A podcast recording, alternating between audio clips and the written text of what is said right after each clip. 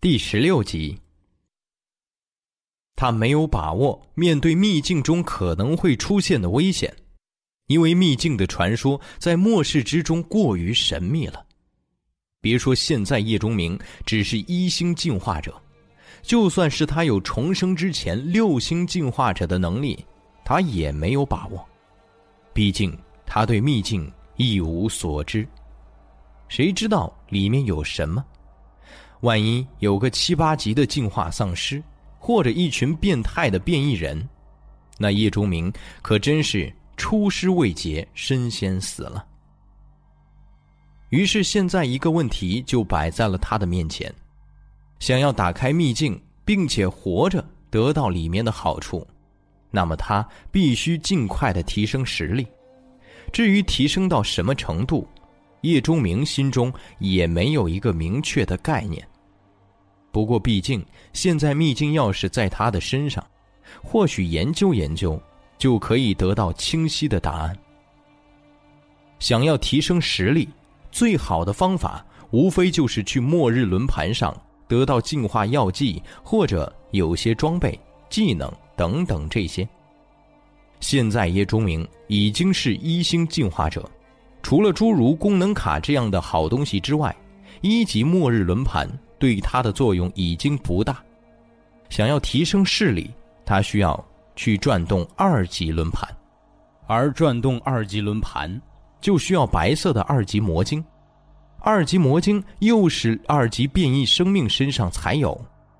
摆在眼前的就有三只变异蜥蜴，那就是三枚二级魔晶。已经有了快速提升实力想法的叶钟明，就有了把这三枚魔晶弄到手的心思。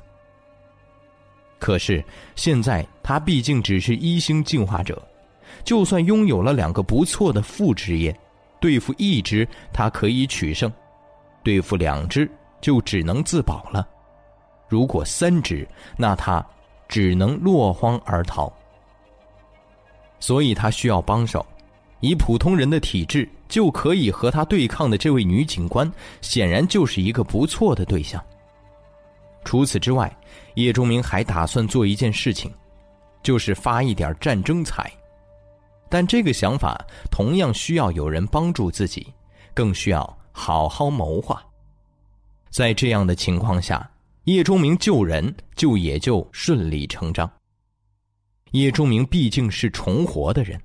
他的处事准则完全是末日准则，对除了信任的人之外，全部都是以利益交换为准则。既然他需要这个叫做莫叶的女武警帮忙，那在他的心中，两个人就是合作的关系。你帮助我，我付给你相应的报酬。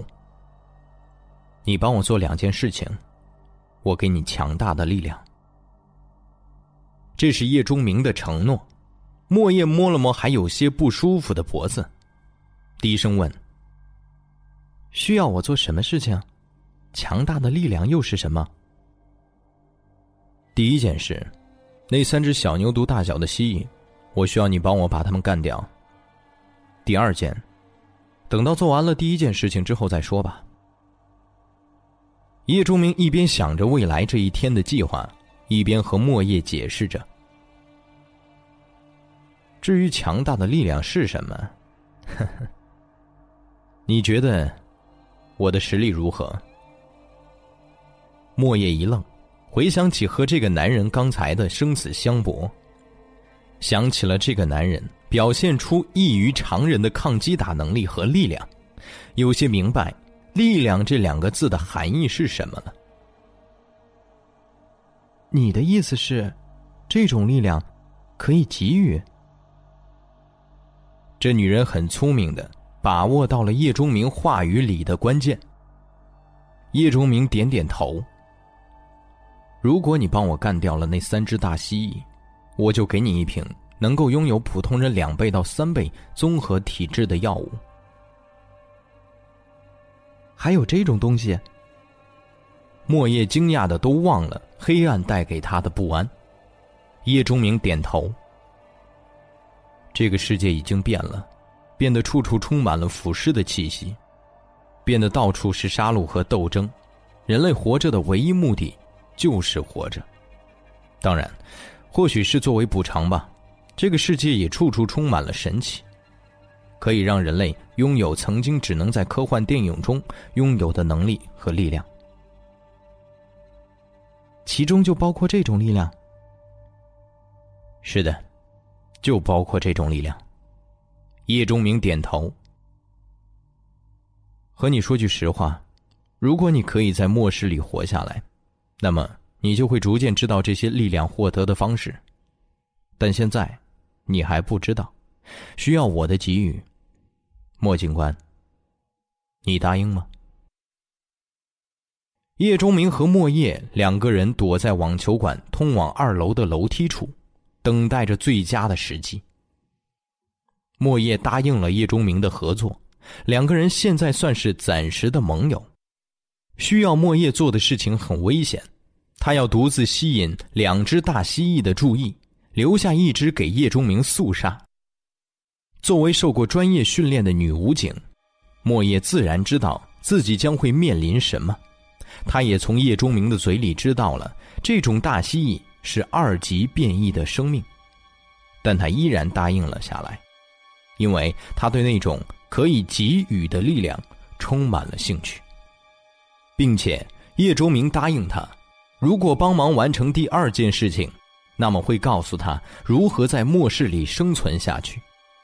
莫叶并不是想要知道求生的方法，但他想知道这个所谓的末世到底是个什么。手里握着一根铝合金棒球棍，莫叶心中的惊骇一直无法平静。如果不是亲眼所见，他绝对不会相信这是一根棒球棍，因为没有哪种正常的棒球棍上会发出灰色的光，即便这灰色的光微不可察。他明明记得，那个男人在一间更衣室里找到了四五根这样的棒球棍，本来很普通，可是被他拿到别处又拿回来之后。就只剩下带着灰色光晕的这根。莫叶不是没见过好东西，他会使用这个世界上几乎所有的枪械，会驾驶几乎所有的交通工具，年纪不大，却执行过不少艰巨的任务，但他从没见过这种拿在手里就有一种可以把地球打出一个窟窿感觉的棒球棍。他看向叶钟明的目光。已经变得无比复杂，就如同看见了一个怪物一样。莫叶意识到，那所谓的力量可能有很多种，而这个男人掌握了不止一种。在他心中，莫名就产生了一种念头：他想了解，甚至去拥有这些力量。本身就是武警，对力量的渴望就异于常人。因为见识到了这种力量，让莫叶本来的彷徨都轻了很多。他好像在黑暗当中找到了一点他感兴趣的光明。对于这个女人的眼神，叶钟明并不陌生。末世之中，很多人都有这样的眼神。这是一种渴望，对进化药剂的，对装备的，对武器的，对漂亮女人的，归根结底。是对生的渴望，他知道，自己交给这个女人的那根被他公制职业同志强化过四次的棒球棍，已经勾起了这个女人的这种渴望。那么接下来就不愁他不配合。末世，个人的力量或许被推崇到一个极致，但终究很多事情是个体无法完成的，特别是在末世初中期。团队的作用更大。在叶钟明的计划里，明天的行动光是一个女警官还不够，他还得带上穆新飞和那个什么网络红人，组成一个小小的团体。至于他同志强化过的棒球棒，叶钟明其实也并不清楚到了一个什么程度，但有一点是可以肯定的：这东西的硬度绝对堪比。最优秀的钢铁，重要的是，它还轻。看着把棒球棍视若珍宝的莫叶，叶钟明心中的优越感油然而生。这要是手头有合适的材料，把这根棍子再强化一下，这女人得兴奋成什么样子？来了。叶钟明耳朵一动，低声说出了两个字。潜伏的两人一狗顿时就收敛了心神，准备突击。得益于内部掉落在浴室内的手机，此刻电筒的光芒还亮着，光线透过浴室门映了出来，也映出了三只大蜥蜴的身影。大概是顶了一会儿天花板上被木板杂物盖上的洞口没有成功，等了一会儿也不见动静后，有些烦躁。三只大蜥蜴陆续走出了浴室，来到休息室的门口。哪怕是刚才和三只大蜥蜴搏杀过，但再次看到他们，依然让莫叶有些恐惧。他不明白，这些怪物究竟是哪里来的。他不由得余光扫向了趴在叶中明另一侧的那只叫做地黄丸的土狗。在这只狗的身上，他看到了一些答案，只是莫叶还不明白，如果这三只蜥蜴身上的变化。同样发生在了地黄丸的身上，那为什么地黄丸的额头没有那块白色的晶体，实力也比三只大蜥蜴差了许多？不过这只狗倒是很聪明，看看它现在趴在那里的样子，真的就和一只训练有素的警犬似的。三只大蜥蜴中个头最大的那只最先走了出来。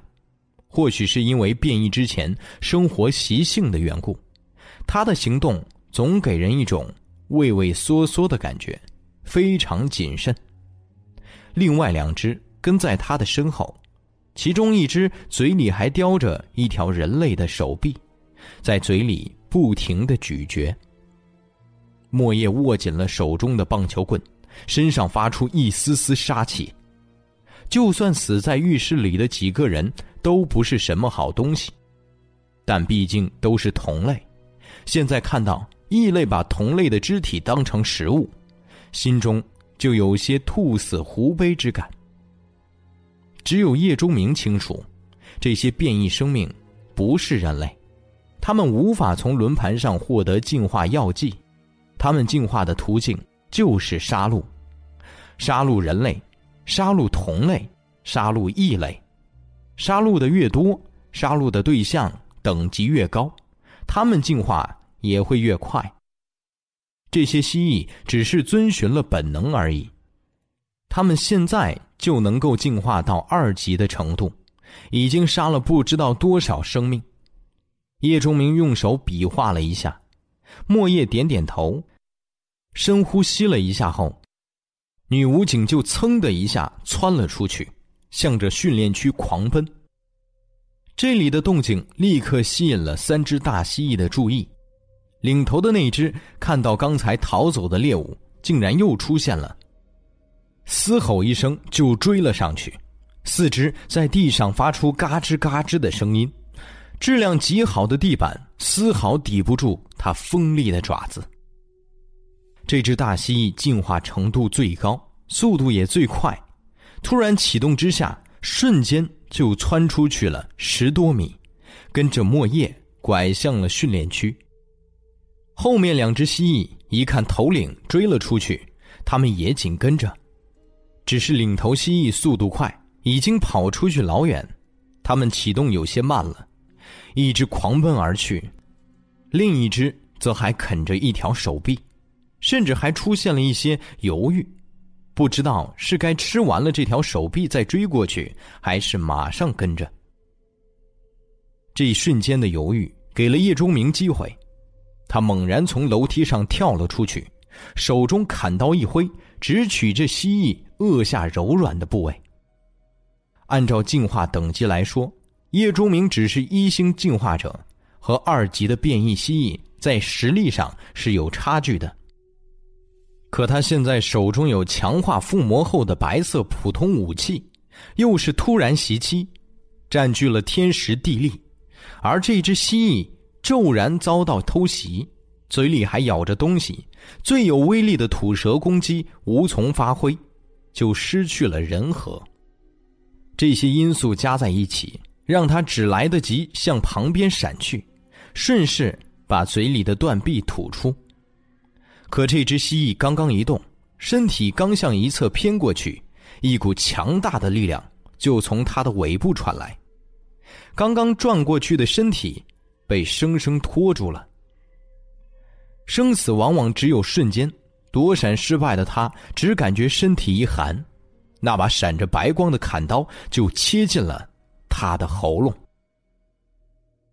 哪怕是二级变异生物的身体，也阻止不了锋利的白色砍刀。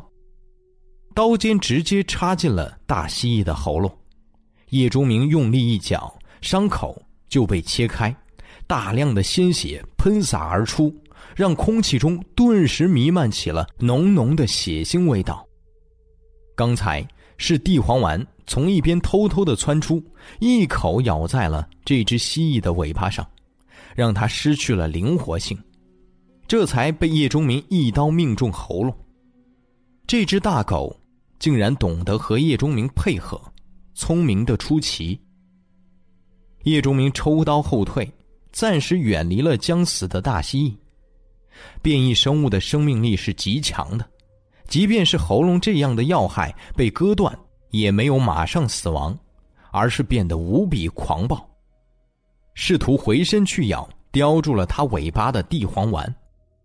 但是地黄丸可狡猾着呢，咬着蜥蜴的尾巴就和它捉起了迷藏。蜥蜴向左回身，它就向右跑去；蜥蜴向右回身，它就向左跑。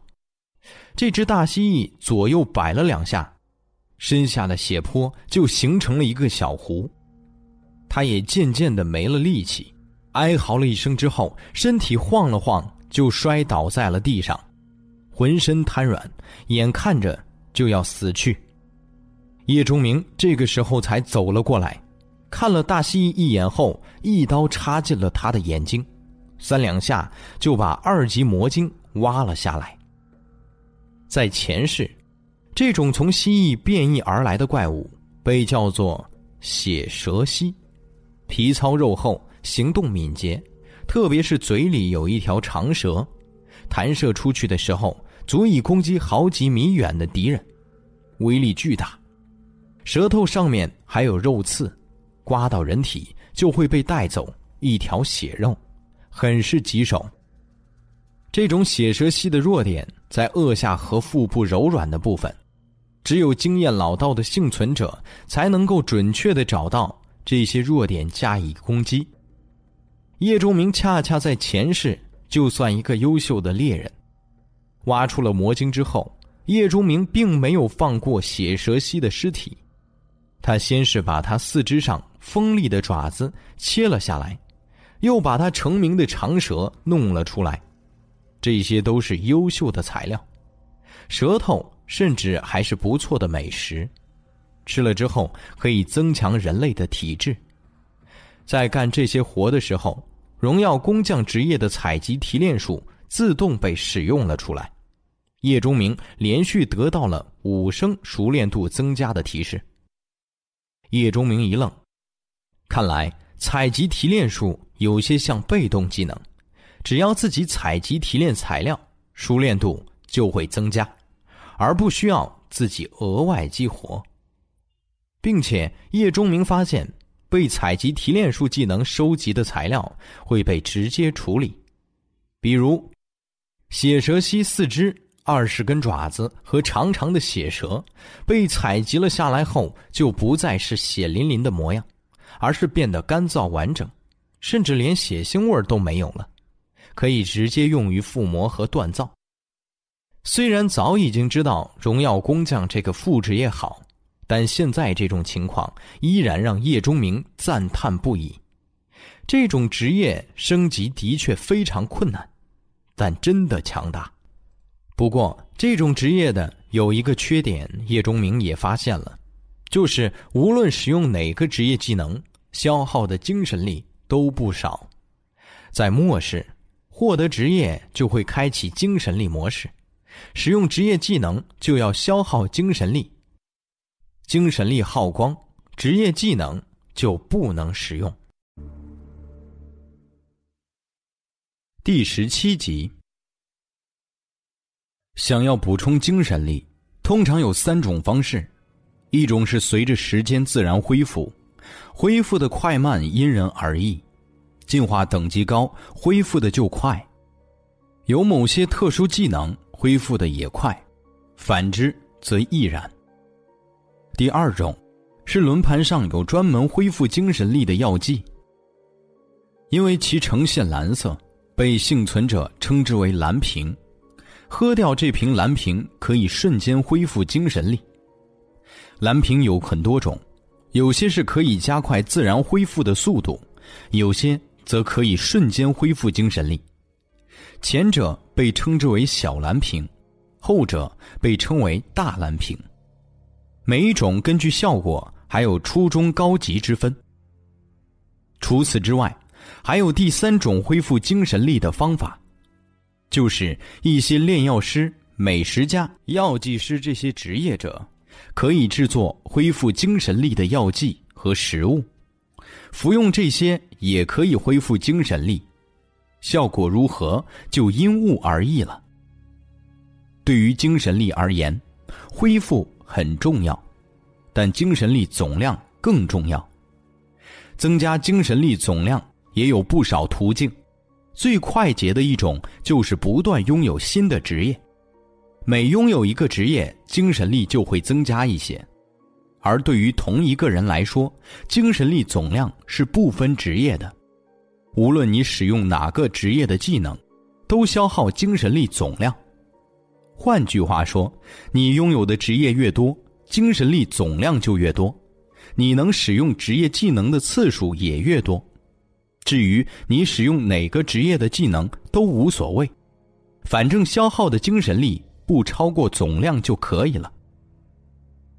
但末世之中，职业可不是那么好获得的，这条捷径大家都知道，但很少有人可以这样增加精神力总量。于是大家都会选择其他的方式，比如随着进化程度的提升，精神力总量也会随之增加。比如服用某些药剂、食物等，也会起到同样的效果。还有就是提升职业等级，同样会增加精神力总量。叶钟明现在有两种职业，精神力总量其实对于现在他的进化等级和职业等级来说还算丰沛。这一晚上，他强化和附魔了自己的砍刀，强化出了一根棒球棍。加上现在用了采集提炼术，感觉精神力已经接近于枯竭。在前世，他也有两种职业，射手和刀手，可这两种职业所消耗的精神力足够他激烈的战斗几个小时，哪是现在只用了几次职业技能就用光了精神力可比？看来职业这东西。还有太多的地方自己不知道，只能以后慢慢摸索。收拾好了这只蜥蜴，叶钟明带着地黄丸就赶紧向莫叶的方向跑去。这位女武警可是要对付两只大蜥蜴，一个不小心就可能丧命。那一边，莫叶也的确陷入了危险当中。之前在浴室里。他还可以靠着墙壁和几只血蛇蜥周旋一会儿，但是现在，为了给叶忠明创造机会，他跑到了球场区。这里四下空旷，没有依仗。他被两只大蜥蜴追上之后，就陷入了腹背受敌的境地。如果不是这根怪异的棒球棍真的好用，一击之下可以打得血蛇蜥连连惨叫。还有他从小就练的功夫帮忙，他可能已经被分尸了。可莫叶终究还不能用棒球棍给这两只二级进化的蜥蜴以致命一击，眼看就要坚持不住了，叶钟明就在这个时候赶了过来，立刻就吸引了两只血蛇蜥的注意。那只领头的大蜥蜴转换了目标，朝着叶钟明冲了过去。莫叶顿时感觉压力一轻，在那条大狗也过来帮助他后，让他所处的形势更是从刚才的岌岌可危，变成了现在的游刃有余。本能的，他的注意力移到了叶钟明那边一点，这一看，让莫叶的心都是猛然一跳。这个男人提着刀，竟然和那只压得他打的大蜥蜴斗得旗鼓相当。甚至莫叶还看到这个男人一拳就把那只血蛇蜥首领打得嘴里流出了鲜血。叶钟明挥了挥手，有些疼，但是他的脸上却涌现出了一丝笑容。本来他以为，身为一星进化者，如果不用白色级别的武器，是很难伤到二级变异血蛇蜥的。但是刚才趁着大蜥蜴扑来疏忽的空隙。他一拳打在了蜥蜴的脑袋上，竟然把这只二级蜥蜴打得吐了血。正常来讲，绝不应该是这样啊。不同进化等级之间是有壁垒存在的，越级挑战这种事情很难在末世里发生。虽然也有一些特殊的情况，比如低等级的人有着强大或者诡异的职业和技能，像刺客。暗行者等才有机会越级击杀，或者大组织培养出的专门服用改良进化药剂的人，从基础上强大，也有可能越级挑战。除了这些，等级的差距就是实力的差距，无法逾越。叶钟明一个只进化过一次的人，自己的力量是无法一击就对二级血蛇蜥蜴造成这么大伤害的。但事实是，他把这只大蜥蜴一拳打得吐了血。叶钟明觉得哪里不太对，他又回想起刚才击杀另外一只二级蜥蜴时候的情景，即便是有地黄丸帮忙，有白色砍刀的锋利，好像也太轻松了些。难道发生了一些自己不知道的事情？这个念头只是在叶钟明的脑海中一转，就被放置在了一边。他要应对眼前的敌人，但疑问却留在了心底。血蛇蜥显然被这一拳激怒，他嘶吼了一声，声音不大，却让人听起来非常难受。无论是叶钟明还是莫叶，全部都脸色一白。身为普通人的莫叶，甚至还后退了两步，精神恍惚一瞬，差点让和他战斗的血蛇蜥抓破喉咙。叶钟明心中一灵，他知道，这只血蛇蜥已经开始进化出它的第二个天赋技能——超频声波攻击。这是种非常讨厌也非常厉害的能力。如果技能完全进化成型，这一声攻击就足以让叶钟明和莫叶至少失去几秒钟行动能力，甚至还会造成内伤。幸好，现在。这几只大蜥蜴应该只是刚刚进化到二级，血蛇都是刚刚成型，超频声波还只是初具雏形，所以影响并不太大。大蜥叫了一声之后，大舌头就吐了出去。叶钟明只感觉红影一闪，攻击就到了眼前。如果现在他是终极刀手，他有把握。一刀就削断血蛇蜥的这条舌头，可现在他却只能看到模糊的红影，这还得借助从球场巨大落地窗射进来的月光。叶钟明只能躲，在躲闪的时候，他做了一个非常细微的动作，他把刀横在了胸前，锋刃朝外，这是曾经的职业终极刀手残留在记忆中的经验和本能。大蜥蜴终究只是变异生物，哪怕它已经进化到了二级，可智慧依然不显。舌头攻击力道用老，啪的一声就撞在了刀刃上。大蜥蜴发出了一声惨嚎，身体疼得在地上翻了个滚儿。再次直起身来的时候，那忧虑的眼睛里已经满是极度的愤怒和狂暴。白色武器。对二级进化生命有着很大的杀伤力，头领的受创让另一只蜥蜴放弃了莫叶，扭头就窜了过来，速度之快，出乎了所有人的意料。几乎在瞬间，这只蜥蜴就和头领蜥蜴一起发起了进攻。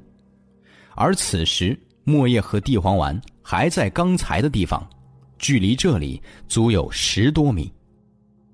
形势的剧烈变化让叶钟明也有些措手不及。两只血蛇蜥一左一右攻来，封死了他闪避的角度。此时，他无论做出什么样的应对，都已经来不及。叶钟明是在末世生活过十年的人，面临过无数次生死危机时刻，他强迫自己冷静，之后做出了一个大胆的决定。他一刀劈向了首领蜥蜴，这一刀，勇往直前，也有去无回。的确，如果只有首领蜥蜴攻击他，那么，已经尝到了这把刀锋利程度的大蜥蜴绝对会避开。但现在的情况是，另一侧还有一只蜥蜴的长蛇已经飞了过来。如果这刀劈下去，不仅首领蜥蜴能躲开，叶钟明还会失去躲避另一侧攻击的时机。一星进化者的身体是抵挡不住血蛇攻击的，这样发展下去，唯一的结果就是叶钟明被血蛇击穿身体，而两只蜥蜴安然无恙。甚至就连受过专业训练的莫叶，也在看到叶钟明做出这样决定的时候，痛苦的闭上了眼睛。他知道这个男人死定了。但事实就和那只血蛇蜥突然返回一样，让人难以预料。首领蜥蜴尾巴一甩，身体就躲了开去。那双满是冰冷血腥的眼睛，甚至出现了一丝嘲讽，好像在笑话这个人类的自不量力。另外一只蜥蜴身在半空，血蛇已经到了叶钟明身前，或许下一刻就要击穿他的身体。已经身处绝境的叶钟明，却从腰部掏出了一把黑洞洞的家伙，砰！火光照亮了昏暗的球场。震得整个场馆都轻颤了一下，空中飞起了一条带着鲜血的长蛇。一只血蛇蜥哀嚎着摔在了地上，满是利齿的大嘴里喷出大股大股的血液。枪，莫叶都看傻了，他看见了叶钟明手里拿着的是一把枪，一把有些古怪的枪。虽然在黑夜的环境里，他看不太清这把枪的很多细节，但他可以肯定，这枪绝对不是他所熟知的任何一种。莫叶领教过血蛇的威力，他知道这根舌头有多么坚韧和厉害，于是也就理解一把一枪打断血蛇的枪威力究竟有多么巨大。可这把枪，他却偏偏不认识。这是一把改造甚至是私自生产的枪，这是犯罪，拥有这种枪就是犯罪。就在刚才的生死瞬间，叶钟明透支了精神力，瞬间发挥了荣耀工匠职业的技能，制造出了这把古怪的枪。他以从莫叶那里夺来的九毫米警用转轮手枪为蓝本。和轮盘上得到的五四手枪进行同质强化，得到了这把造型有些奇特、威力却变得巨大的新枪。这一枪打出后，叶钟明就确定了这把新枪的威力，等同于沙漠之鹰。脑袋仿佛炸开了一般剧烈的疼痛，胸口发闷，从嘴角溢出了丝丝鲜血，耳朵轰鸣。就像无数台工程车在身边驶过，力量瞬间从身体里消失了大半，虚弱感占据了全部的感官。这就是精神力透支的状态。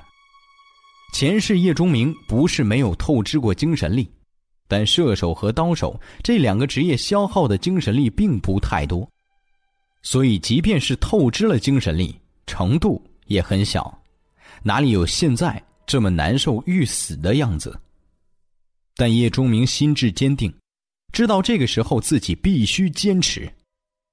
他举着枪的手依然很稳，他向着这只受伤的血蛇蜥开了第二枪，这一枪直接从血蛇蜥的眼睛里射了进去，那硕大的菱形脑袋猛然胀大了一圈，无数血肉脑浆从眼睛、耳朵、腮部喷射了出来。这把新枪的威力基本等同于沙漠之鹰，而后者是什么？那是设计之初就是为了打断人体或者打死野猪为目的的近距离开枪，威力足以打死一头大象。血蛇蜥很厉害，已经进化到了二级，速度、敏捷、攻击力，甚至皮肤的防御都到了一个非常强大的程度。但终究，它还没有变成全无弱点。它的眼睛毕竟还是晶状体、玻璃体结构的，它坚硬的皮肤下和头颅里依然是血肉体液组成的脑结构。这一枪足以要了他的命。干掉了这只蜥蜴，叶钟明没有一丝喜悦，因为还有另外一只更加强大的蜥蜴在一边虎视眈眈。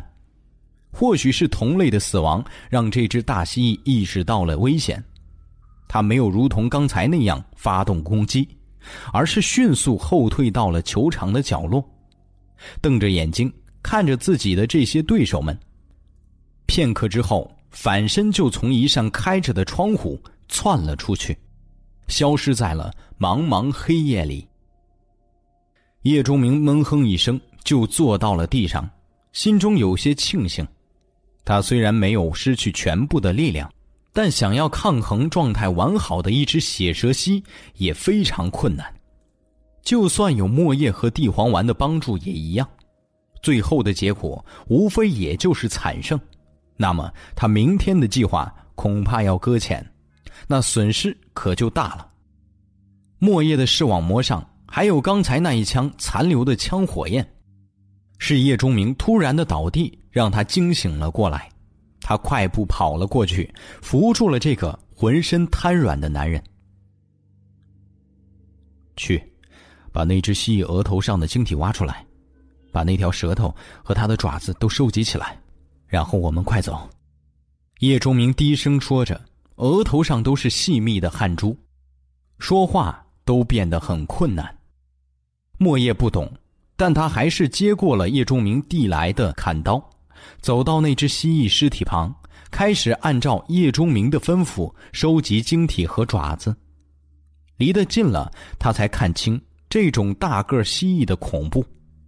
哪怕莫叶是武警出身，比普通女孩子胆大很多，也有些头皮发麻。这东西长得实在是太恐怖了，并且那一身坚硬的肉瘤。让人浑身翻起鸡皮疙瘩。莫叶是个聪明的女人，她知道，既然这男人让她去做这些，就一定有他的道理，并且她暗自猜测，那种可以给予的力量和这些东西可能有直接关系。搜集好了这些材料后，放进了叶钟明带着的包里。莫叶扶起叶钟明，地黄丸在一边跟着。两人一狗就离开了网球馆。这是你的家。十几分钟后，看见叶钟明拿出钥匙打开门，莫叶问：“两人一狗从网球馆出来，叶钟明指路带着莫叶和地黄丸来到了他租住的小屋。这里距离网球馆只有一街之隔，这一路自然不会太平。不过，在地黄丸和拿着砍刀的女武警面前，这些还没有进化的丧尸基本上没有对他们造成威胁，在杀了几只你开眼的丧尸之后，顺利的来到了这里。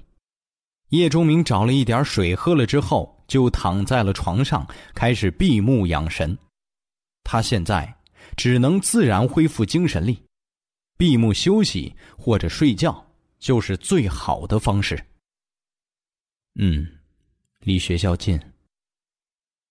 莫叶神色复杂的看着叶钟明，很难想象这个强大的男人，竟然还是一个学生。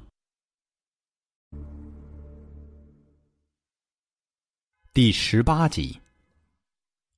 无论是叶钟明还是莫叶，从末世开始到现在都没正经吃过东西。此时已经凌晨，还有几个小时天就亮了，他们都有些饿。莫叶从厨房里翻了翻，找到了一些面包，两个人就着暖瓶里剩下的热水填了填肚子。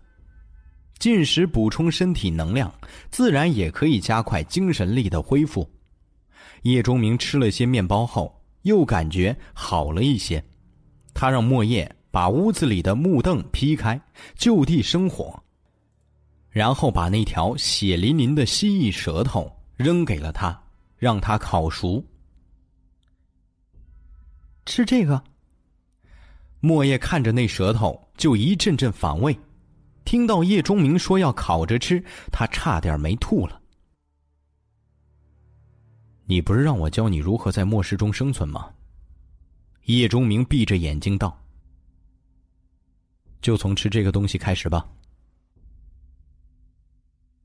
难道就没别的食物，非得吃这个？”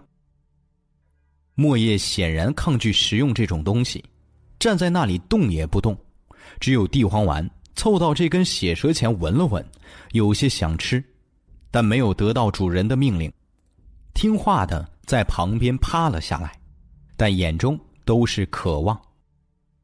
叶钟明睁开眼，看着黑暗屋子里只能分辨一些轮廓的女人，道：“听着，下面的话我只说一遍。现在是末世，那些丧尸是人类变的，现阶段的他们嗅觉和听觉都非常灵敏，视力退化，相当于高度近视。袭击我们的蜥蜴应该是孟加拉蜥蜴的变种。”他们进化过了两次，白色晶体就是证明。我们幸存下来的人类也可以进化，捷径就是我所告诉你的那种可以给予的力量。除此之外，食用变异生物的显著特征部位，也可以增加体质，使人变得更加强大。在末世中生存，这些都是必须掌握的情况。除此之外，你还要学会观察和分析。叶钟明停顿了一会儿，虽然身体好了不少，但是一起说了这么多话，还是让他有些累。警官，我想你既然受过特训，这个应该很容易理解，就是发现并且牢记你所能看到的一切。莫叶张了张嘴，想说什么，但却没有出声。叶钟明一笑：“我知道你不服气，觉得我说的是废话。”那我问你几个问题，如果你能答上来，那我也不废话了。第一，我为什么要马上离开空旷的网球馆，冒着危险回到这里？第二，那些大蜥蜴来自于哪里？第三，那个出卖了你的同伴现在在哪里？第四，你觉得你现在安全吗？窗前忽然有一道黑影急速掠过。瞬间之后，楼下响起了一声闷响，听起来就如同水袋砸在地上爆裂一样。叶钟明不用看也知道，这是一个自杀的人，一个可能失去了全部生存下去的理由，除了死亡想不出还能做什么的人，绝望中的纵身一跳。或许这种方式有些懦弱，但经历过末世的人就会知道，这种方式。有的时候，的确就是正确的选择。本想要回答问题的莫叶脸色一变，快步走到窗前，看向了下面，一个有些扭曲而模糊的人影趴在那里一动不动。几十米外，几头丧尸正缓步而来。死亡有的时候是种不错的解脱，你要习惯。叶钟明微闭起眼睛道。莫叶咬着牙，眼中有种莫名的悲痛。看着这具哪怕选择自杀死亡以后也要被同类吃掉的尸体，他心中对这个世界可以恢复的最后一丝希望破灭了。第一个问题，你已经说了，丧尸的听觉和嗅觉非常灵敏，那么马上离开网球馆的理由就不用说了吧。莫叶有些无力的靠在窗台旁，看着叶朱明，对他这种淡漠的态度有些不满。不过整理了心情之后，还是开始回答问题。第二，那些蜥蜴应该是有人养的，或者从动物园里跑出来的，否则城市里怎么会有这种东西？莫叶一边思考一边回答。第三，我想他应该跑去他认为安全的地方了吧？这种人我不想再提。至于第四个，虽然我承认你很厉害。但以你现在的状态，应该不是我的对手。这只地黄丸，我想实力和那些蜥蜴相比要差很多，而我拿着你这把锋利的砍刀，实在看不出来它能够对我造成什么危险。自认为回答的不错，莫叶惯有的对自己实力的信心又回到了他的脸上。叶钟明不屑的一笑，竖起了一根手指。只有第一个问题算是你答的还不错。其他错的一塌糊涂。被人这么说，莫叶自然不服气，抱着肩膀道：“那你说说我哪里错了？”第一个问题，除了你说的那些，还有一点你没有想到，就是枪声除了会引来丧尸之外，还会引来我们的同类。莫叶一愣：“你说，人类？”叶仲明点点头。指了指窗外。今天月色不错，站在这里可以看见校园。如果你运气好，应该可以发现些什么。莫叶不信邪，转头从窗户向外看，借着月光，他看见已经有不少丧尸围聚在了网球馆附近，显然是被刚才响亮的枪声吸引过来的。他继续观察，没发现什么。正想回头嘲笑男人，突然发现，在网球馆校园一侧有几个人影在移动，他们行动迅捷，并且懂得借助掩体避开在明处横晃的丧尸。显然，这是些幸存者。真的有同类在。莫叶脸上一喜，说实话，他所接受的训练一直都推崇团队至上，灌输为社会服务。在现在的情况下，聚集在一起的人越多，应该越安全。这在和平年代没有错，并且还大大的对。但现在是末世，同类有的时候比丧尸要危险的多。叶仲明想起了在教学楼里遇到的那几个拿着枪也在收集魔晶的人，那些人显然对自己是没安什么好心的。如果他们听到了枪声，应该会寻来。别高兴，如果现在你还在那里，说不定已经被这些人打死了。叶钟明的话让莫叶的热情一冷，本想反驳，却一下子想起了之前同伴的背叛，于是抿着嘴不再言语。看到莫叶不说话，叶钟明继续道：“第二个问题，那些变异蜥蜴不是动物园里的。”也不是谁家里养的，而是学校实验室里的。你怎么知道？那些蜥蜴的尾巴上还挂着指甲大小的编号牌。莫叶震动，他之前和那些变异蜥蜴也战斗了好几次，却从没有发现这个细节。如果叶钟明说的是真的，那这个男人的观察力也太变态了吧！至于出卖了你的那个同伴，他一直都没走，就藏在通风管道里。我们离开的时候，他还跟了一段直到我们遇到第一个丧尸，他才转回了校园。什么？莫叶张着嘴，不敢相信有人跟着他，竟然没有发现。叶钟明冷哼了一声：“哼，你的那位同伴可不是普通人，他非常机敏。”非常聪明，而且身手不错，至少不会比你差，并且杀过人。对于杀气这种东西，叶钟明是非常敏感的。这并不是什么天赋，而是一种经验。在末世生存超过一年的任何人，都能轻易分辨出杀气。这种经验在末世往往会成为一种判定危险的标准。能够跟踪受过严格正规训练的莫叶而不被发现，足以说明那个鼻音男的实力。虽然瞒不过一星进化者，但从第一眼看到那个男人，叶钟明就知道那家伙不一般，甚至比莫叶都要危险。他身上带着的杀气，在末世或许不算什么，但在和平年代，绝对算得上浓郁。也就是说。那个人手上应该有着不止一条人命，那么他的身份也就呼之欲出了。要么，他是一个执行过非常多危险任务的特工或者军人，或者是个见不得光的杀手。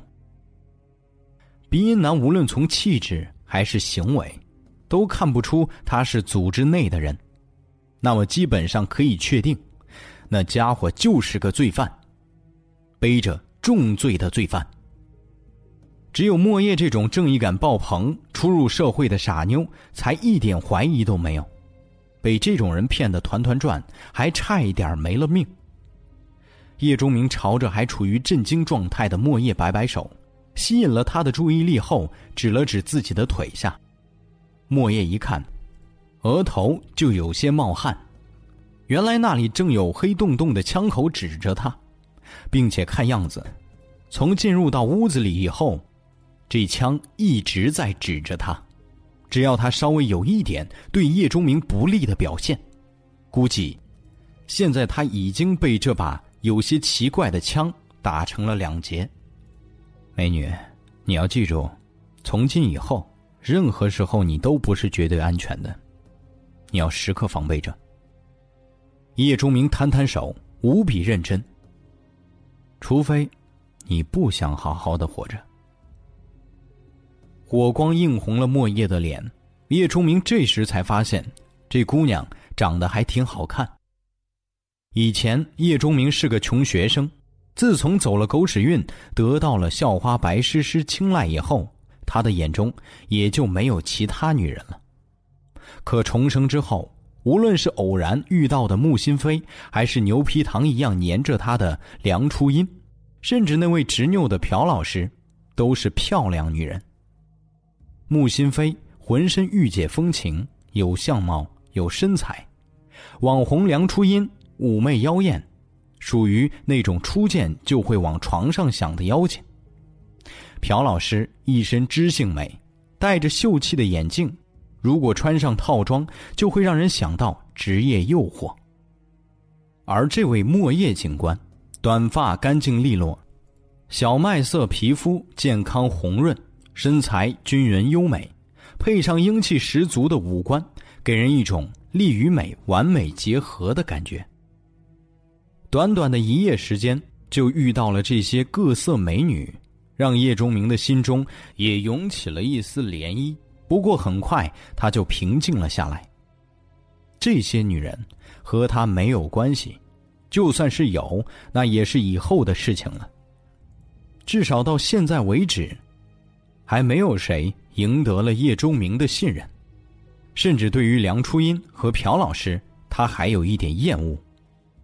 叶钟明习惯了用末世的标准来衡量周围的人，让他厌恶的两个女人，其实都是累赘型的。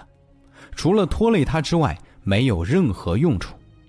而穆心飞是未来的九星强者，莫叶也有着一身的本事，这两个人才可以给他带来帮助。看着点燃了木头椅子在烤血蛇蜥舌头的莫叶，叶钟明第一次涌起了把这个女人收为手下的想法。在末世，团队是至关重要的。举个简单的例子。在末世里，猎杀怪兽或者变异生命是最常见的任务。一个三星进化者如果单独接受这样的任务，那么他最多也就能对付三级变异生命。个别拥有强大装备或者职业的，可能可以尝试着猎杀四级变异生命。这还需要挑选那些单独的目标下手。一旦成群，别说三级，可能。连二级都惹不起，但团队不同，同样是上面的任务，如果一个由三人三星进化者组成的小队，那么他们完全可以去挑战四级进化生命，甚至如果安排得当、战术正确，都可以去尝试猎杀五级变异生命，最后所得，自然是一个人无法比的，哪怕平均到三个人身上，也远远超过一个人。这就是团队，更加安全，收益更大，进而让人快速强大。在末世，强大才是安全的唯一保障。叶钟明之前是某个战团的一员，身处的战队大家关系都不错，是真正的兄弟。只是那些人大多现在还不知道在哪儿，个别知道地址的，叶钟明暂时也去不了。他在这里还有一些事情要做。说实话，叶钟明在这之前心中从没想过组建一个团队，至少在没有找到前世那些兄弟姐妹的时候，他没有这个想法。但是莫叶的出现却让他动摇了。这个女人真的是一个很好的团队成员苗子，她身手好，受过专业的训练。自身应该还会一些家传的功夫之类，基础比常人好太多。这种起点就如此优秀的人才可不多见。以后进化了，他会比同等级的人厉害很多，并且最重要的一点，这女人心中有正义感，愿意帮助人，本性善良，有合作观念。团队是会发挥出强大能力的。但团队中的人一定要信得过，否则关键时刻被人出卖，什么强大，什么收益，都是扯淡。以前这种收人的事情不用叶钟明负责，那是队长操心的事情。可现在不同了，他得为以后做打算。把这个想法压在心里，叶钟明决定继续考察一下这个女人。血蛇蜥的舌头。散发出了一股诱人的香气，让人食欲大动。地黄丸已经馋得直流口水，在一边盯着，等待叶钟明分他一点儿莫叶则一脸的不情愿，一边向上面撒着调料，一边捂着鼻子，仿佛闻到这种味道也会让他恶心似的。叶钟明把被分成三节的舌头先给了地黄丸一节。这只大狗立刻狼吞虎咽的吃了起来，不一会儿就吃光了，舔着舌头看着叶钟明，意犹未尽。叶钟明用刀切了几块，放在了盘子里，递给莫叶，这女人却退出去老远，表示坚决不吃。耸耸肩，叶钟明也不强求，留足了自己吃的，其他都给了地黄丸。现在地黄丸正处于变异期，多吃些这东西有好处。从厨房里找来叉子，把这些肉全部都吃了下去。叶钟明感觉全身都暖洋洋的，他知道这是所谓的基因力量。这种力量不仅可以让他的体质更好，甚至还可以在一定程度上恢复精神力。随着身体对这些肉的消化。叶钟明明显感觉精神力的恢复速度加快了不少。现在虽然精神力还处于很低的水平，但至少不会影响身体了。他站起来做了几个动作，知道自己继续拼杀应该没问题，只要不用职业技能就好。走吧，简单收拾了一下，叶钟明拿起背包准备出发。去哪儿？莫叶问。他其实有些疲惫。这里虽然满是让他反胃的恶心味道，但至少很安全。如果可以在这里休息一晚就好了。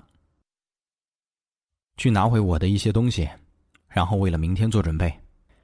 叶钟明看了一眼满是倦怠的莫叶，道：“我知道你很累，但如果一切顺利，明天的这个时候，你应该就会获得那种……”强大的力量了。莫叶听到这个，精神了一些，找了把水果刀放在身上，就和叶钟明出了门。至于白色砍刀，早已经被叶钟明收了回去。叶钟明打算重回校园，去武装部那里接梁初音。他的手里还有一根变异柳条，有了工匠职业的他，可以把那根柳条制造成一根很不错的武器。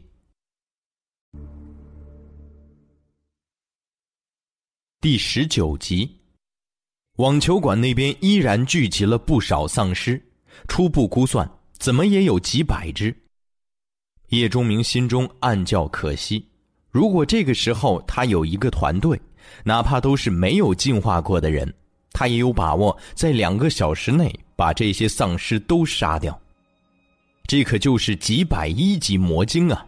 去转动轮盘，可能就代表着数瓶一星进化药剂，绝对是一笔不小的财富。但现在就他和莫叶两个人，他可没有把握对付这么多丧尸，只能放弃。恢复了体力的叶钟明，加上身手不错、敢打敢杀的莫叶，两个人一路基本上没有遇到什么危险，十几头丧尸成了刀下亡魂。给叶钟明贡献了十几枚一级魔晶。行进当中，莫叶终于按耐不住心中的好奇，问叶钟明这些魔晶的作用。叶钟明没太隐瞒，告诉了他关于轮盘的事情。这女人脸上的表情很是精彩。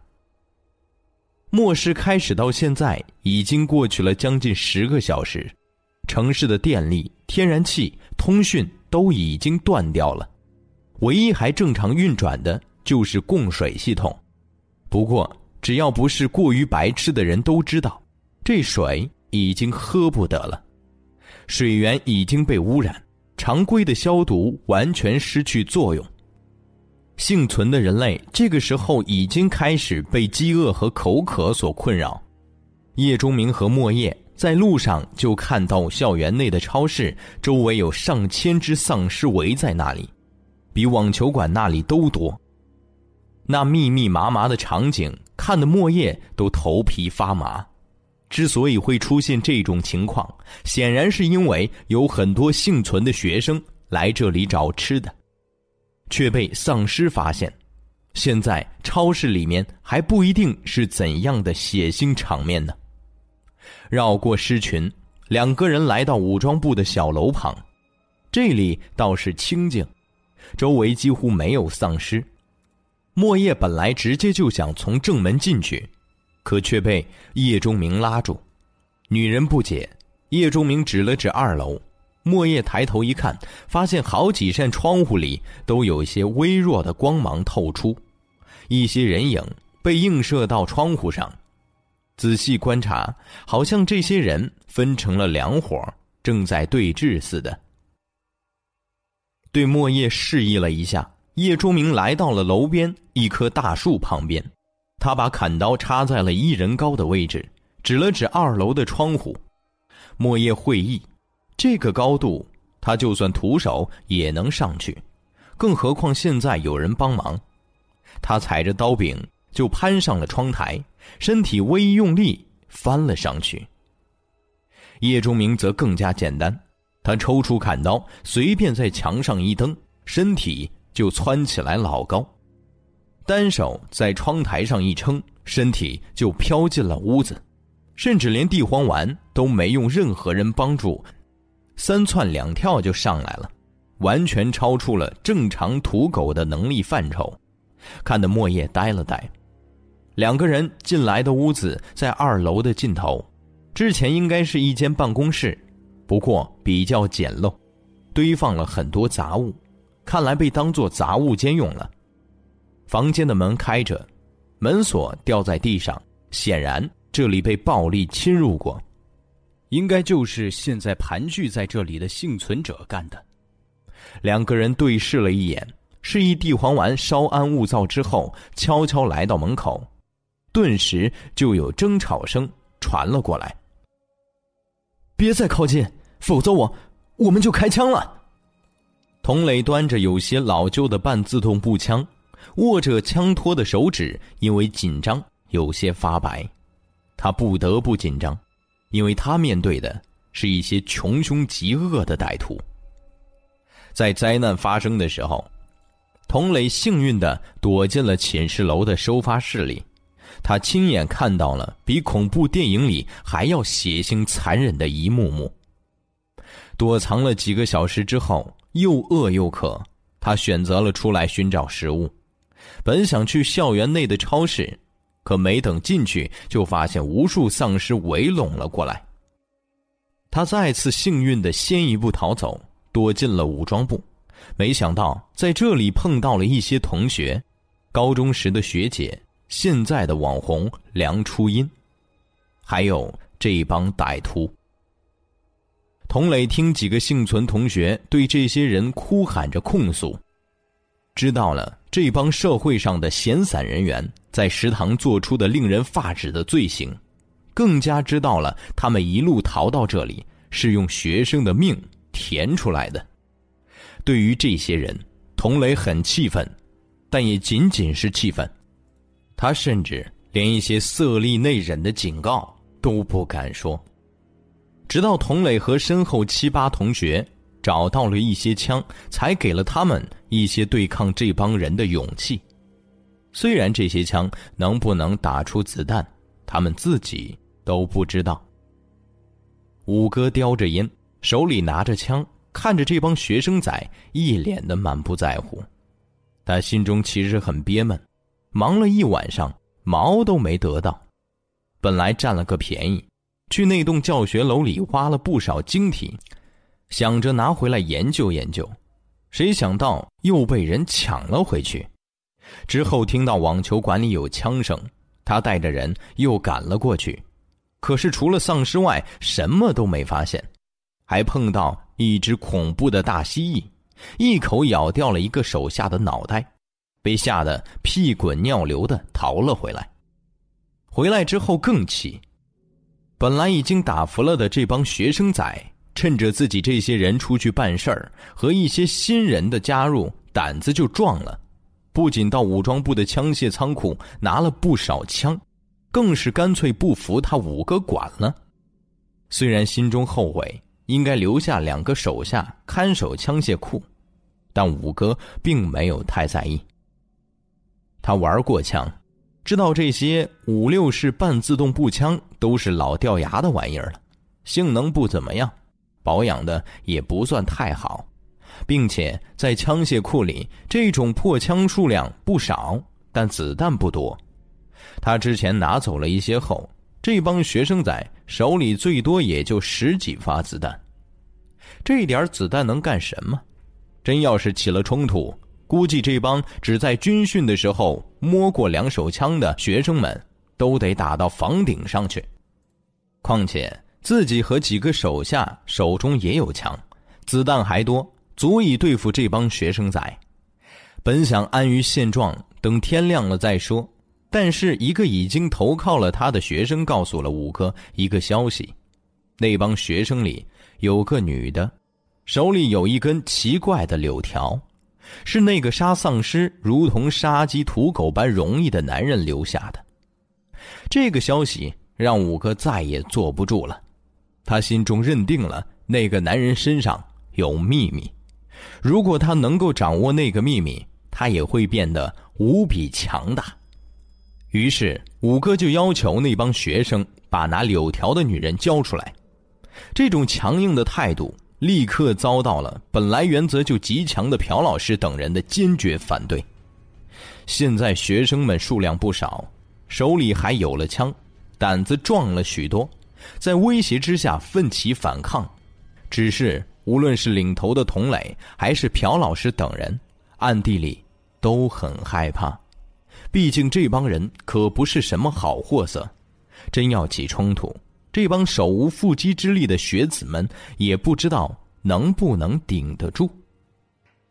把那妞和那根柳条交出来，咱们就和平相处。要不，哼哼。五哥斜睨着这帮足有五六十人的师生，突然伸手抓过了他面前不远的一个学生，扯着他的头发，就把这个戴着眼镜的瘦弱男学生按在了墙上。把枪扔给身边的手下二鹏，另外这一只手则从后腰抽出了一把造型夸张的匕首，想都没想，直接就插进了这个男生的肩胛下，突手攻击。这个男生在剧烈的疼痛下本能要惨叫，可五哥知道他会这样，匕首插进去了之后根本就不拔出来。反而一拳轰在了男生侧脸上，直接把惨叫生生打断。鲜血从后背和嘴里一起流出，鲜艳的颜色刺激着所有人的神经。有些女生发出了短促的尖叫声，却被旁边的人捂住了嘴巴。谁都知道，声音会把外面吃人的怪物吸引过来。我的耐心很有限，交出那个女人。这件事情就到此为止，不交，我把你们一个个都宰掉。五哥狞笑着，仿佛一头狮子在看断了脊梁的羔羊。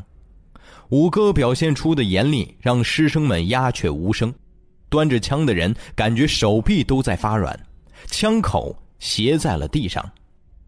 他们害怕，本来的反抗之心被刚才五哥的那一刀击得粉碎。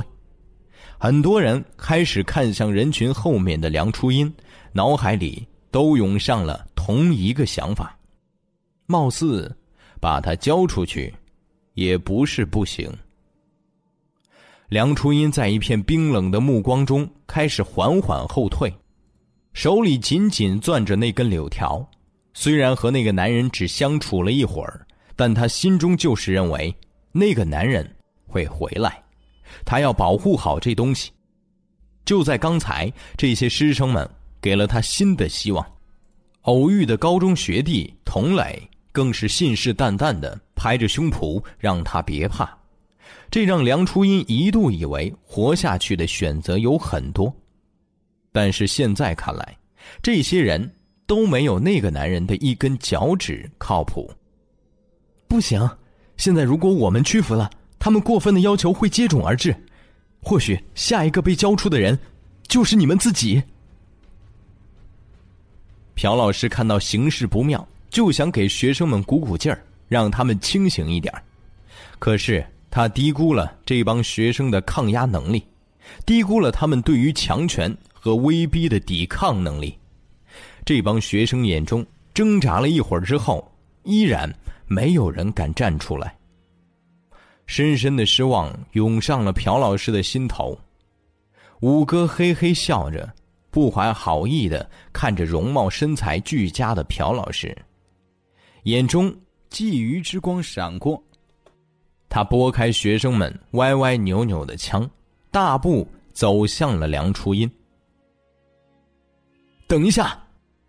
童磊突然叫住了五哥，流氓头子侧过头，凶光毕露。如果，如果我告诉你一个秘密，你是不是能放过？放过他？秘密。五哥走到童磊面前，把他手里的枪拽到了自己的手里，恶狠狠的道：“赶紧说，要不我弄死你！”童磊身体就是一抖，看了看梁初音妩媚的脸庞，用发颤的声音道。你，你得保证，否则，否则我不会说的。混蛋，你还敢讲条件，找死是不是？二鹏冲上来，给了童磊一个耳光，骂骂咧咧就要痛殴他一顿。一边去！五哥呵斥了手下一句，然后俯视着童磊道：“好，我答应你，只要你的秘密。”对我有帮助，我就放过他。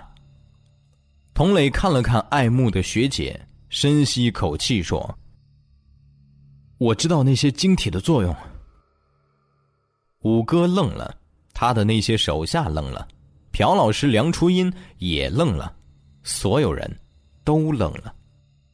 晶体的作用，谁的眼睛都不瞎。丧尸额头那明晃晃的晶体就摆在那里，要说不对这东西产生好奇，是不可能的。但是谁都不知道那些晶体有什么作用。可能学生们心中只是略有疑惑，但五哥对这东西可是颇有执念的。他为什么冒着得罪几十个师生的危险，而要求交出梁初音和柳条？还不是因为他想弄清楚晶体的作用。现在有一个人对他说：“知道答案。”五哥眼睛都红了。快说！抓住童磊的衣领，五哥几乎在咆哮。那那东西就是晶体，应该是转动一种特殊轮盘用的。嗯，大家都安静了下来。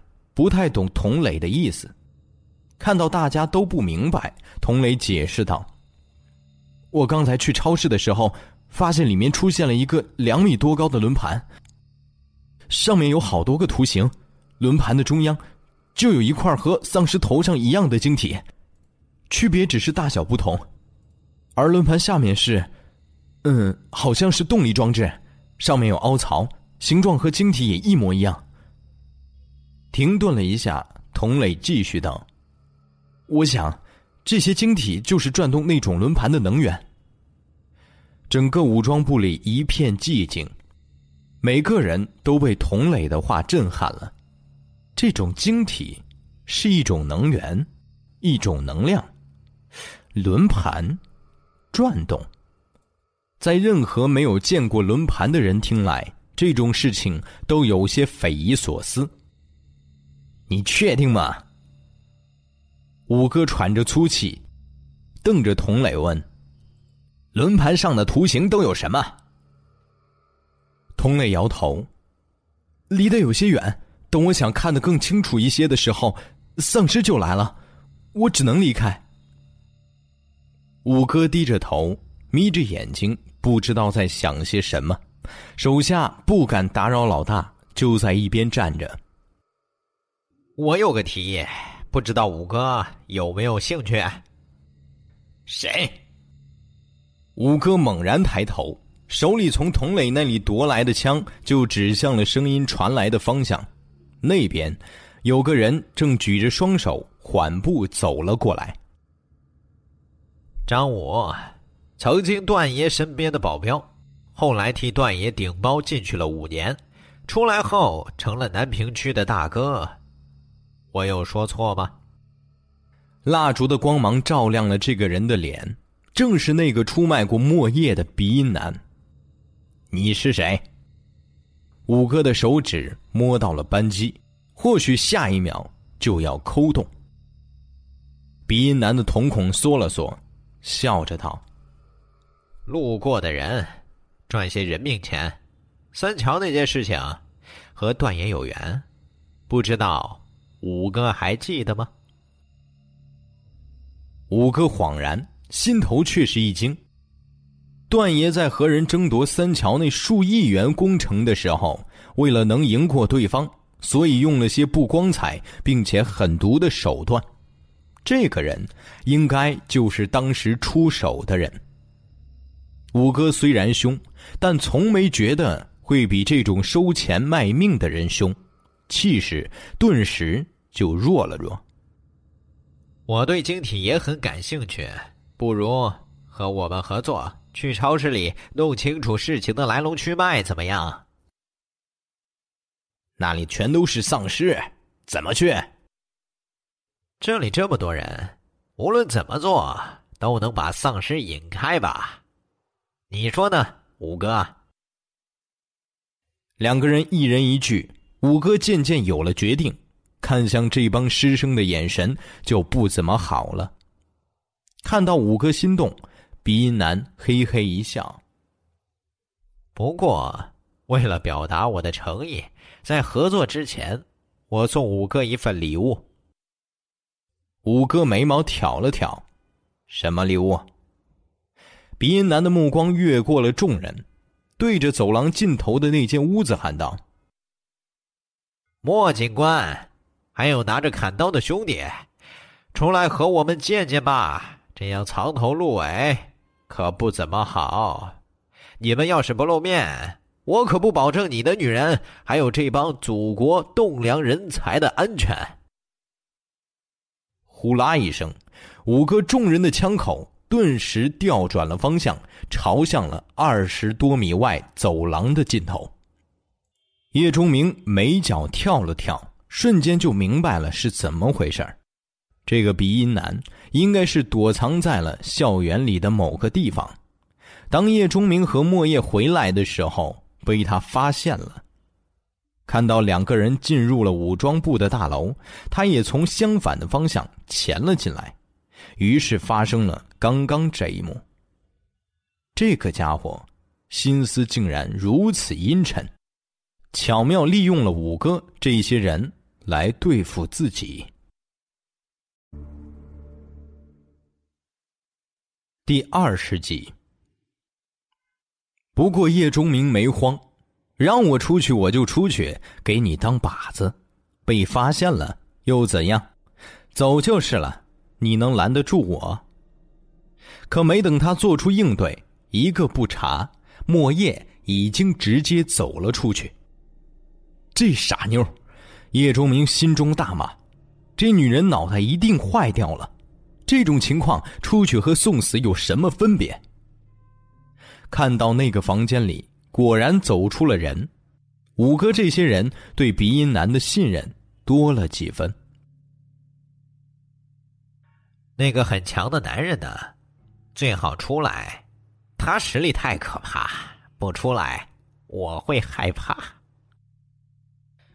鼻音男不知道从哪里掏出了一把手枪，越发证实了叶钟明对他身份的猜测。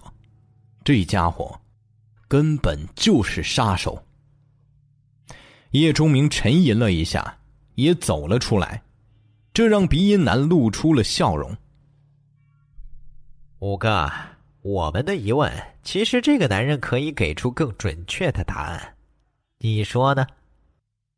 五哥哈哈一笑，他认出了叶钟明，没想到踏破铁鞋无觅处，竟然在这种情况下找到了。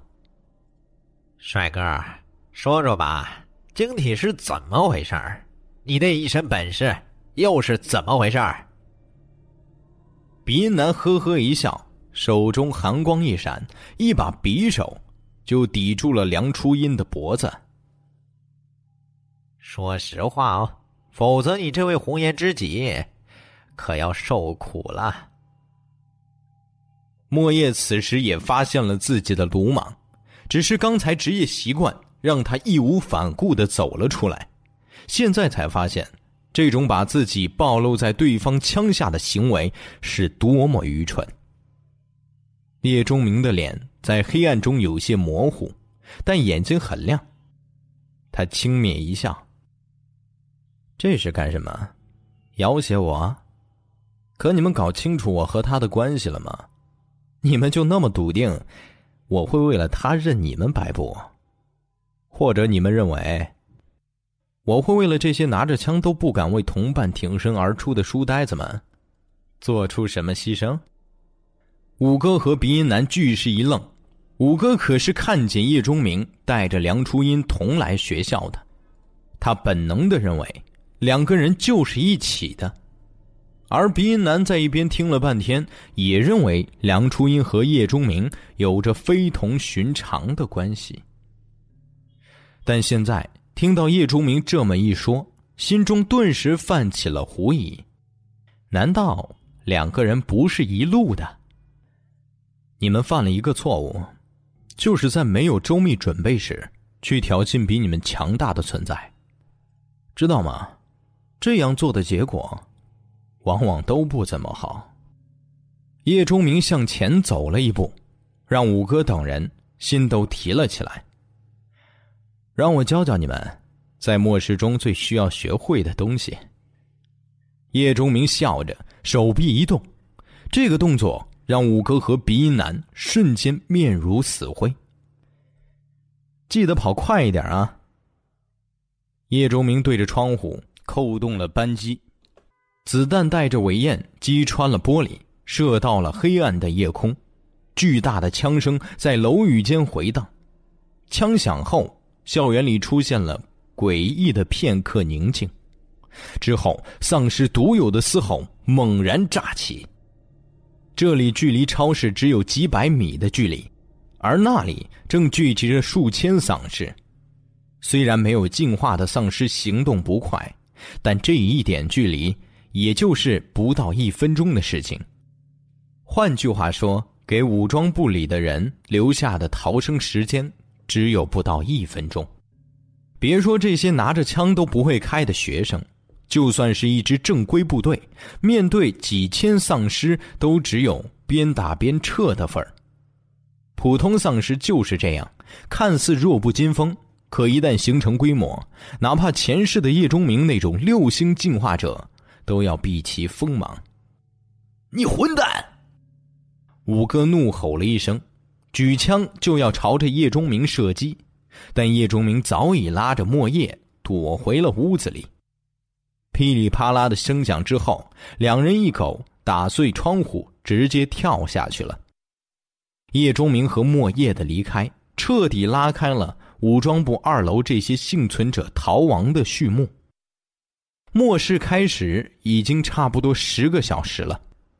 这些人看到了太多丧尸吃人的场景，现在连成片的丧尸吼声正在逐渐接近。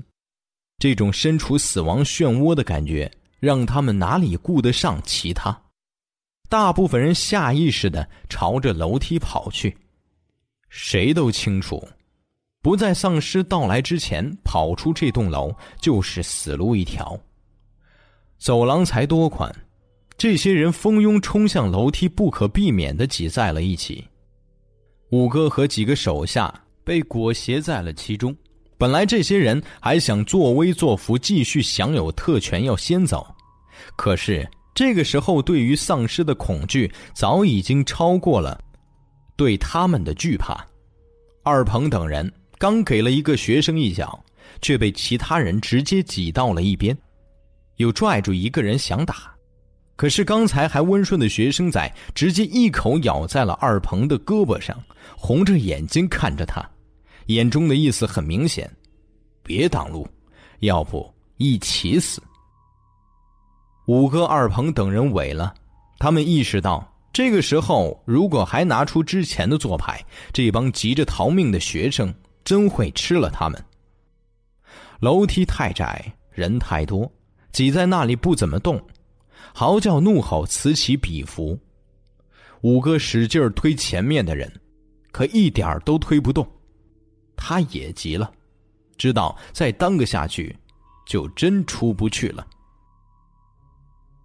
二鹏、刚子、阿坤，跟我走。三个手下正被挤得浑身是汗，听到老大喊，立刻跟在了五哥身边，方向是向后。这个方向阻力明显小了，让出了向前的位置，马上就被人占据。跳楼！五哥几个人端着枪开始砸窗户，看到差不多了，也管不了剩下的玻璃碴，跨上去看看楼下，直接就跳了。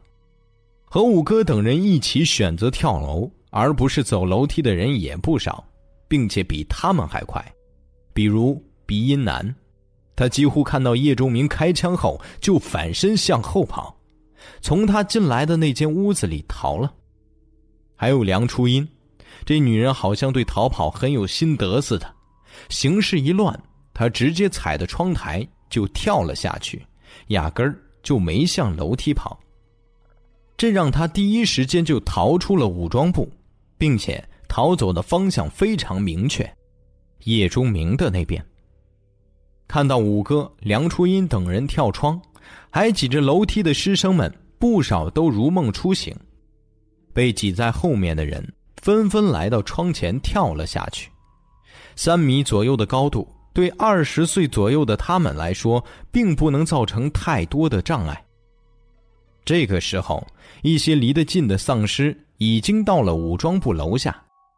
有一个运气不好的学生跳下去之后，就被一只从侧面绕过来的丧尸扑倒，在尖叫声中被咬掉了半张脸，挣扎着站起来想要继续逃的时候，又被丧尸抓住了脚踝，几根脚趾直接被咬掉。杀戮仿佛就在这个时候开始。从楼梯上最先跑出去的几个人冲出了武装部，这些都是身强力壮的男生。只是刚出来，迎面就碰到了两只丧尸。这两只怪物把出口堵住了大半。一个学生想冒险从一边绕过去，刚跑了一步，就感觉背后有人推了自己一把，身体顿时没了平衡，直接撞进了丧尸的怀里。对于送上门的美食，丧尸哪里还客气，直接一口就咬到了男生的肩头，一块带着温热鲜血的嫩肉被他吞到了肚子里。这种鲜美的味道让这只丧尸兴奋的仰头吼叫。另外一只丧尸也被血腥味吸引来，扑在男人的后背开始啃食。这个男生的惨叫都破了音。他回过头，看见了最好的朋友正一脸冷漠的从丧尸让出的通道逃走，自己给他创造了最好的条件。濒死之前，这个男人喊出了最恶毒的诅咒，喷向那个越逃越远的身影。砰！又一声枪响，让很多人身体都是一抖。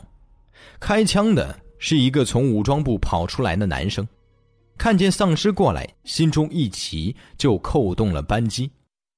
只是枪响之后，他身前不远处的一个女生缓缓倒了下去，背后嫣红一片。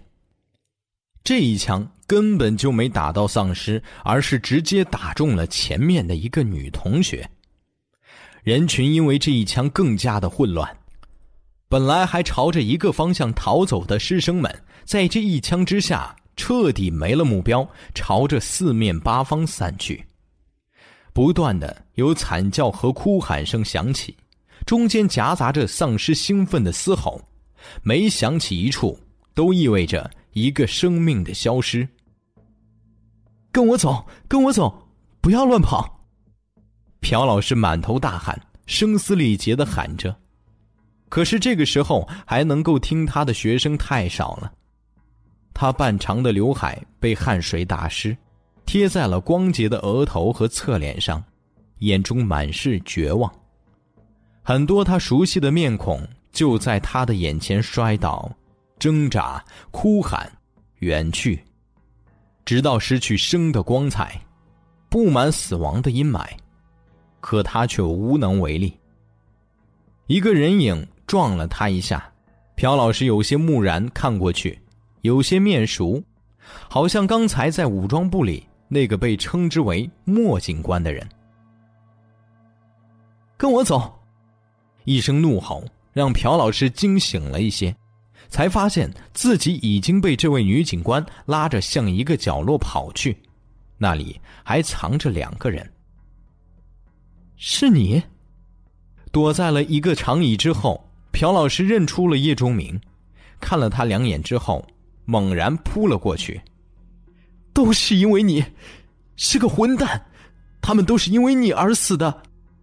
刚才逃走之后，叶钟明拉着莫叶没有走远，而是直接找到这条石头长椅，躲在了后面。莫叶不理解为什么躲在这么近的地方，接着他又看到了五哥、鼻音男这些人逃走。看到梁初音直接跑到了这里，发现了两个人，一脸欣喜的凑到了身边。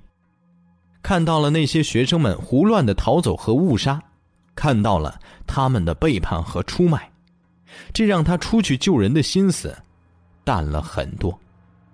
直到这位女老师在那里徒劳的呼喊，非但没有人听他的，还为他吸引来了大量的丧尸，莫叶实在看不过去了。才跑过去把女老师拉了过来，谁曾想这人过来就发疯。叶钟明又怎么会被这样一个柔弱的女人扑倒？他一伸手，直接就扣在了朴老师秀美修长的脖子上。因为我，你才能活下来。你以为你的那些懦弱的同事和学生能够帮你？没有我，你就会沦为那帮人的玩物。自杀是你最好的结果。当他们找不到食物的时候，你就是他们的晚餐。叶钟明一推，朴老师撞到石椅上，力量不大，但足以让他有那么几秒钟失去力气。当然，因为你长得漂亮，你被他们玩弄的时间会最长，于是你成为食物的时间也会排在最后面。恭喜你啊！你瞎说。朴老师还想扑过来，可是却被梁初音再次推到了石椅上，还想挣扎，又被莫叶按住了。他说的没错。你没发现你的那些同事和学生，他们都不理你吗？莫叶带着些许悲伤看着朴老师说：“你能成为大学老师，一定很聪明。你回想一下，就应该清楚的。”朴老师一愣。脑海中浮现了刚才的画面，那些人不是没听见自己喊叫，他们本来是向自己走来的，可是后来都飞速的走掉。他们越想，朴老师脸色越白，他终于明白，那些他想奋力解救的人，原来不是没听见，而是他们做出了另外的判断。喊吧。把丧尸都吸引过去吧，这样就能逃走了。他们抛弃了自己。朴老师终于忍不住，开始失声痛哭。闭嘴！叶钟明低吼一声，神情专注的盯着一个地方。我要去那里，你们自己选择，是继续跟着我，还是离开。说完，叶钟明直接弯腰跑了出去。莫叶等三个女人一呆，看向了男人指着的方向。你疯了！莫叶跟在叶钟明的身边，一脸焦急。这个男人竟然在这种时候选择去超市。莫叶不是傻瓜，他很快就猜测到了叶钟明的目的，他是为了超市里那个轮盘去的。虽然他不知道那究竟是什么，但也猜测和神奇的力量有关。可即便是再神奇的东西，也得有命去拿吧。现在什么情况？现在到处都是丧尸，虽然被武装部里的幸存者们吸引走了很多，但这一路上零零散散总有一些。超市那边更是还有不少围在那里。想要进去超市，无疑要面对那些现在也有数百的丧尸。这个一向冷静的男人怎么了？人为财死，鸟为食亡吗？叶钟明满不在乎的回了一句，速度却一点不慢。你的目的，是让这些孩子吸引丧尸，给你创造进入超市的机会，是不是？朴老师咬着牙。恨恨的说道：“你还跟着我呢呀？我还以为你会继续当雷锋呢。”任谁都能听得出叶钟明语气里深深的嘲讽，显然对这个美女老师非常不满。你不说话，没人当你是哑巴。梁初音早就看朴老师不爽了，因为这个女人，几个人已经有两次陷入险境了。况且现在的情况摆明了，叶钟明就是最粗的大腿，不赶紧抱着不算，还老挑毛病。你大学怎么毕业的？情商怎么低到这种程度？叶钟明砍倒了两个丧尸，干净利落的挖出魔晶，躲在一棵树后，等着前面几十头正在行动的丧尸离开。叶钟明不是那样的人。莫叶拉了拉朴老师的衣袖，怕他把气氛搞僵，好心解释的。不，我是。叶钟明突然回过头，看着三个女人道：“别把我当什么好人，当有利益摆在我面前时，我会毫不犹豫的抛弃你们。”看着目瞪口呆的三女，叶钟明用一种坚定的语气道：“觉得我很坏是不是？”告诉你们，现实就是这么残酷。物竞天择，适者生存的丛林法则，现在体现的更加直接。你们适应不了就去死。别用之前的道德标准来衡量现在，那除了让你们死得更快一些之外，没有任何作用。你们需要换个方式来思考问题。说着，叶钟明一指一脸不忿的朴老师。比如说你，你在质问我的时候，一切都是从你的角度出发的，一切都是从你惯有的价值标准出发的。但你觉得对吗？我有什么义务帮助你和你的那帮学生？他们一不是我的手下，二不是我的兄弟，你也不是我的女人，我有什么理由去帮助你们？利用？就那帮有人数优势、有武器却被三四个人压得不敢反抗的废物，有什么值得我利用的？或许他们的逃走给了我达到目的的机会，但没有他们，我就办不到了吗？无非是换一种方法罢了。这位朝鲜族的美女老师，别把自己太当回事儿。现在末世仅仅刚刚开始，等过几天，当生存问题摆在面前的时候。